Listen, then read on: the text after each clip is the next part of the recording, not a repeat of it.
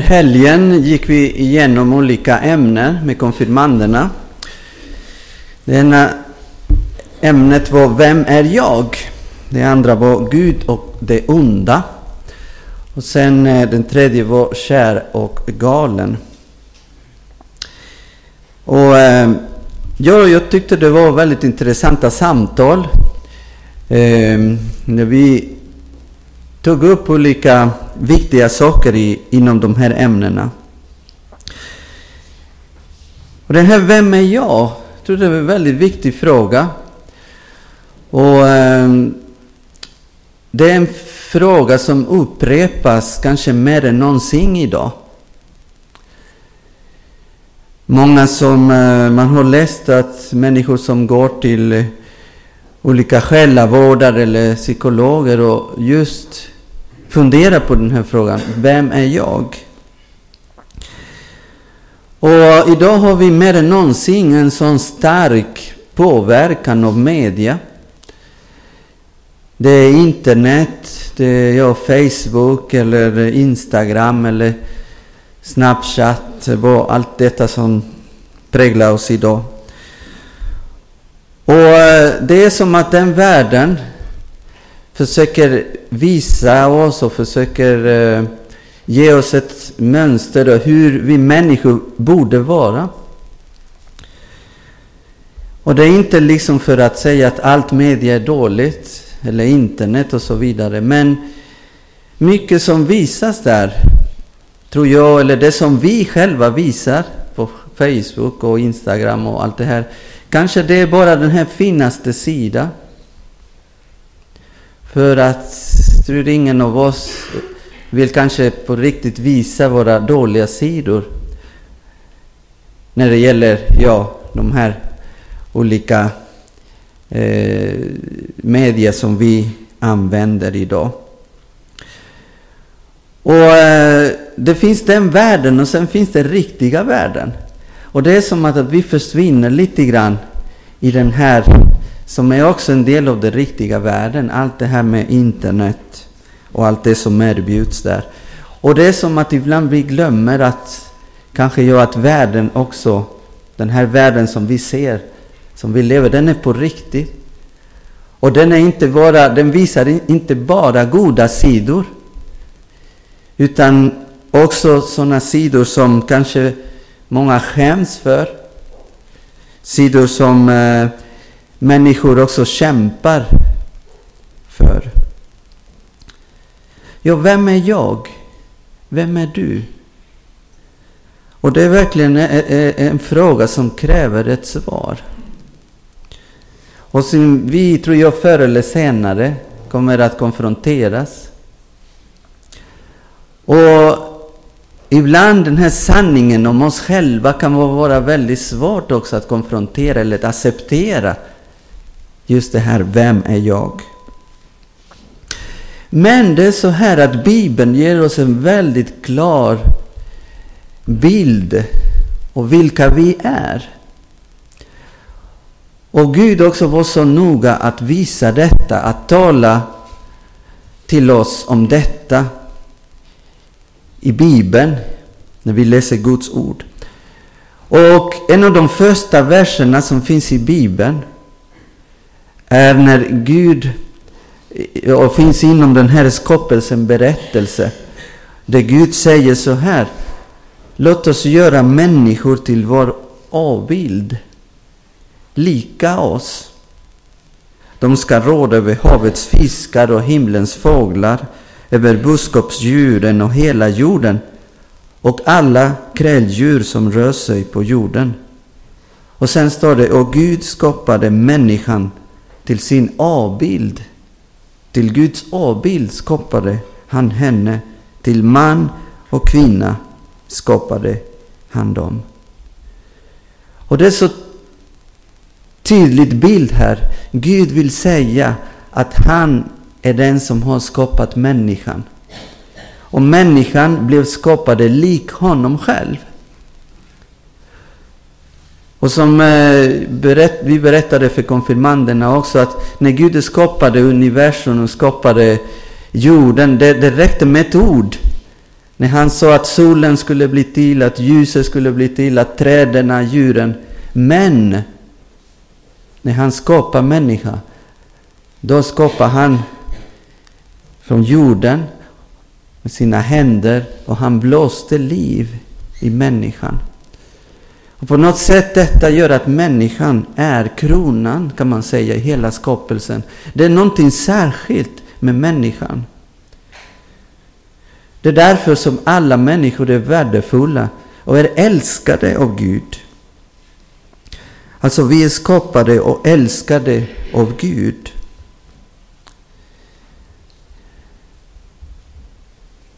Men vi ser att det inte bara är godhet i världen.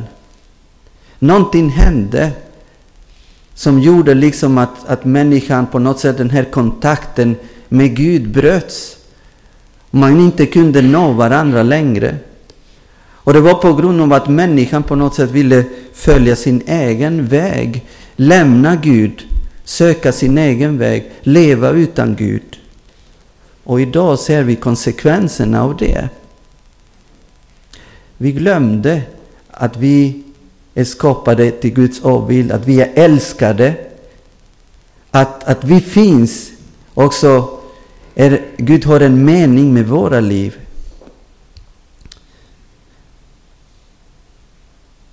Ja, det onda vill alltid förstöra Guds skapelse. Det är det det handlar om.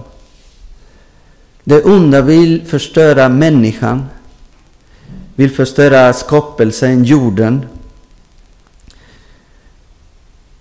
Och genom Bibeln också ser vi den här kampen mellan det goda och det onda. Den här kampen mellan Gud och det onda. Redan också från första början, de första böckerna i Bibeln ser vi liksom hur den här kampen finns gång på gång.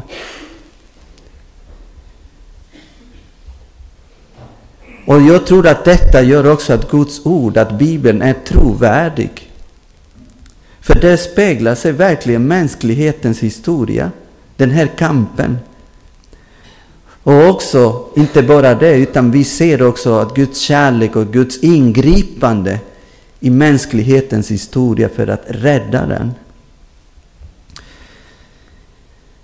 Ja, den här kampen ser vi så tydligt idag. Krig, maktmissbruk, presidenter och härskare som bara tänker på sig själva och inte på andra. När eh, länder börjar att innesluta sig och strunta i andra. När, eh, ja som sagt, härskare inte tänker på sitt eget folk utan det är deras bekvämlighet som gäller. Man struntar, struntar helt enkelt i andra. Vi ser hur naturen förstörs. Och eh, man skulle kunna nästan tro att ja, var är vi, vart är vi på väg? Och den här kampen också som finns inom oss människor, det är inte bara någonting som sker utanför. Utan vi själva, varje dag, inom oss, den här kampen mellan det goda och det onda finns.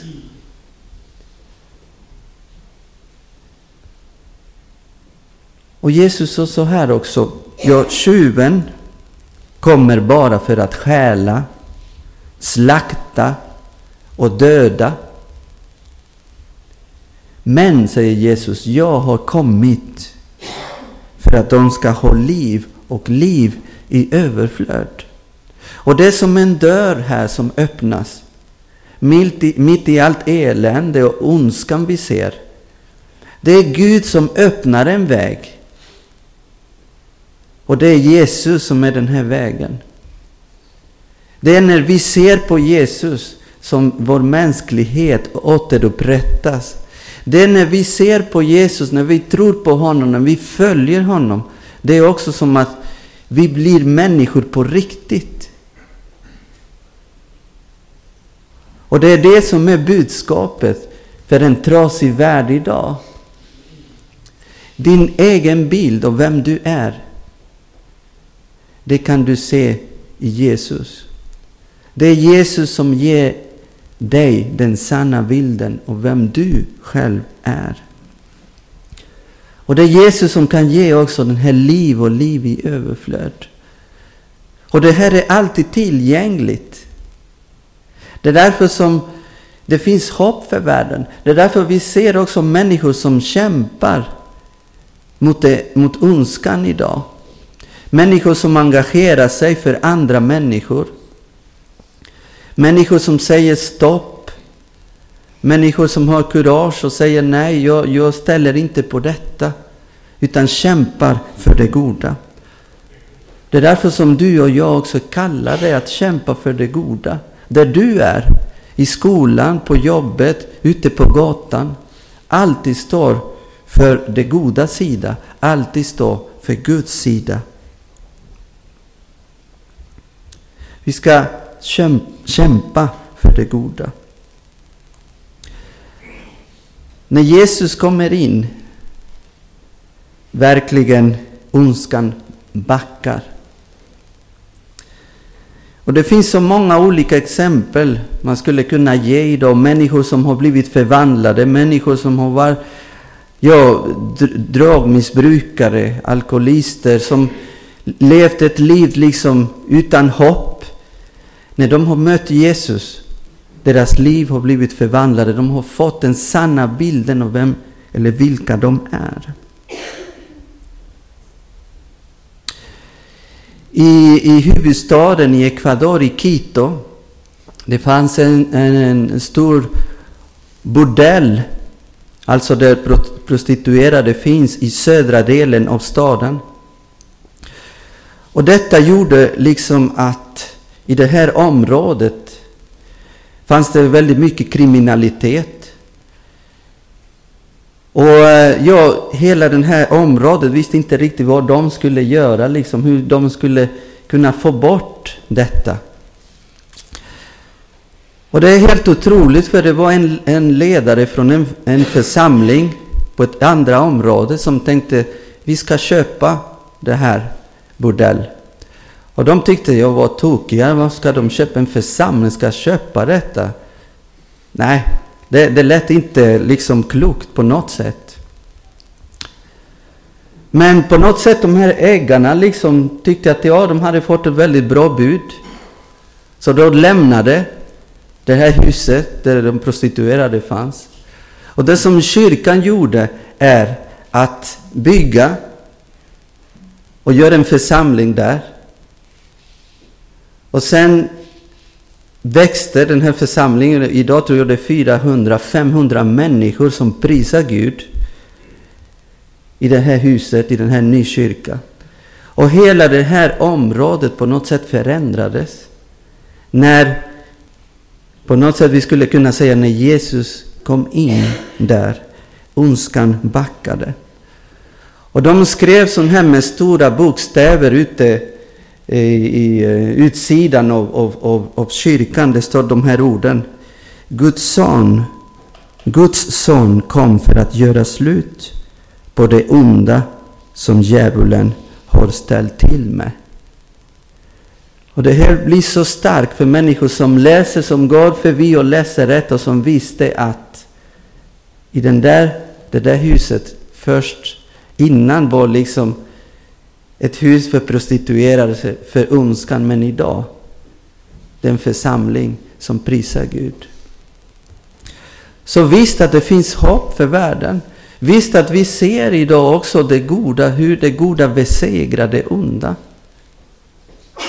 Och jag tror att Gud kallar oss idag att stå på hans sida i den här kampen mot ondskan. Och det finns hopp Trots att världen ser ut som, som den gör idag. Vi kan ändå blicka framåt till den tiden när Gud kommer att skapa en ny himmel och en ny jord. Där fred ska råda, där orättvisor inte kommer att finnas mer. Där krig inte kommer att finnas mer. Där Jesus kommer att regera. Där döden inte kommer att finnas mer.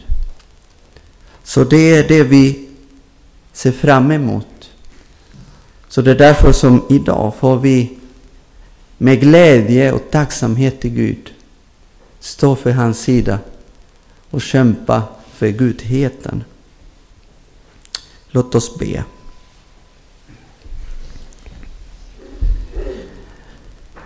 Herre, vi tackar dig för att du påminner oss att vi är skapade till din avbild. Och när vi ser på dig, Jesus, då får vi den rätta bilden av vilka vi, vi är. Herre, tack för det och tack för att vi kan kämpa för gudheten idag. Tack för att du har besegrat ondskans makt.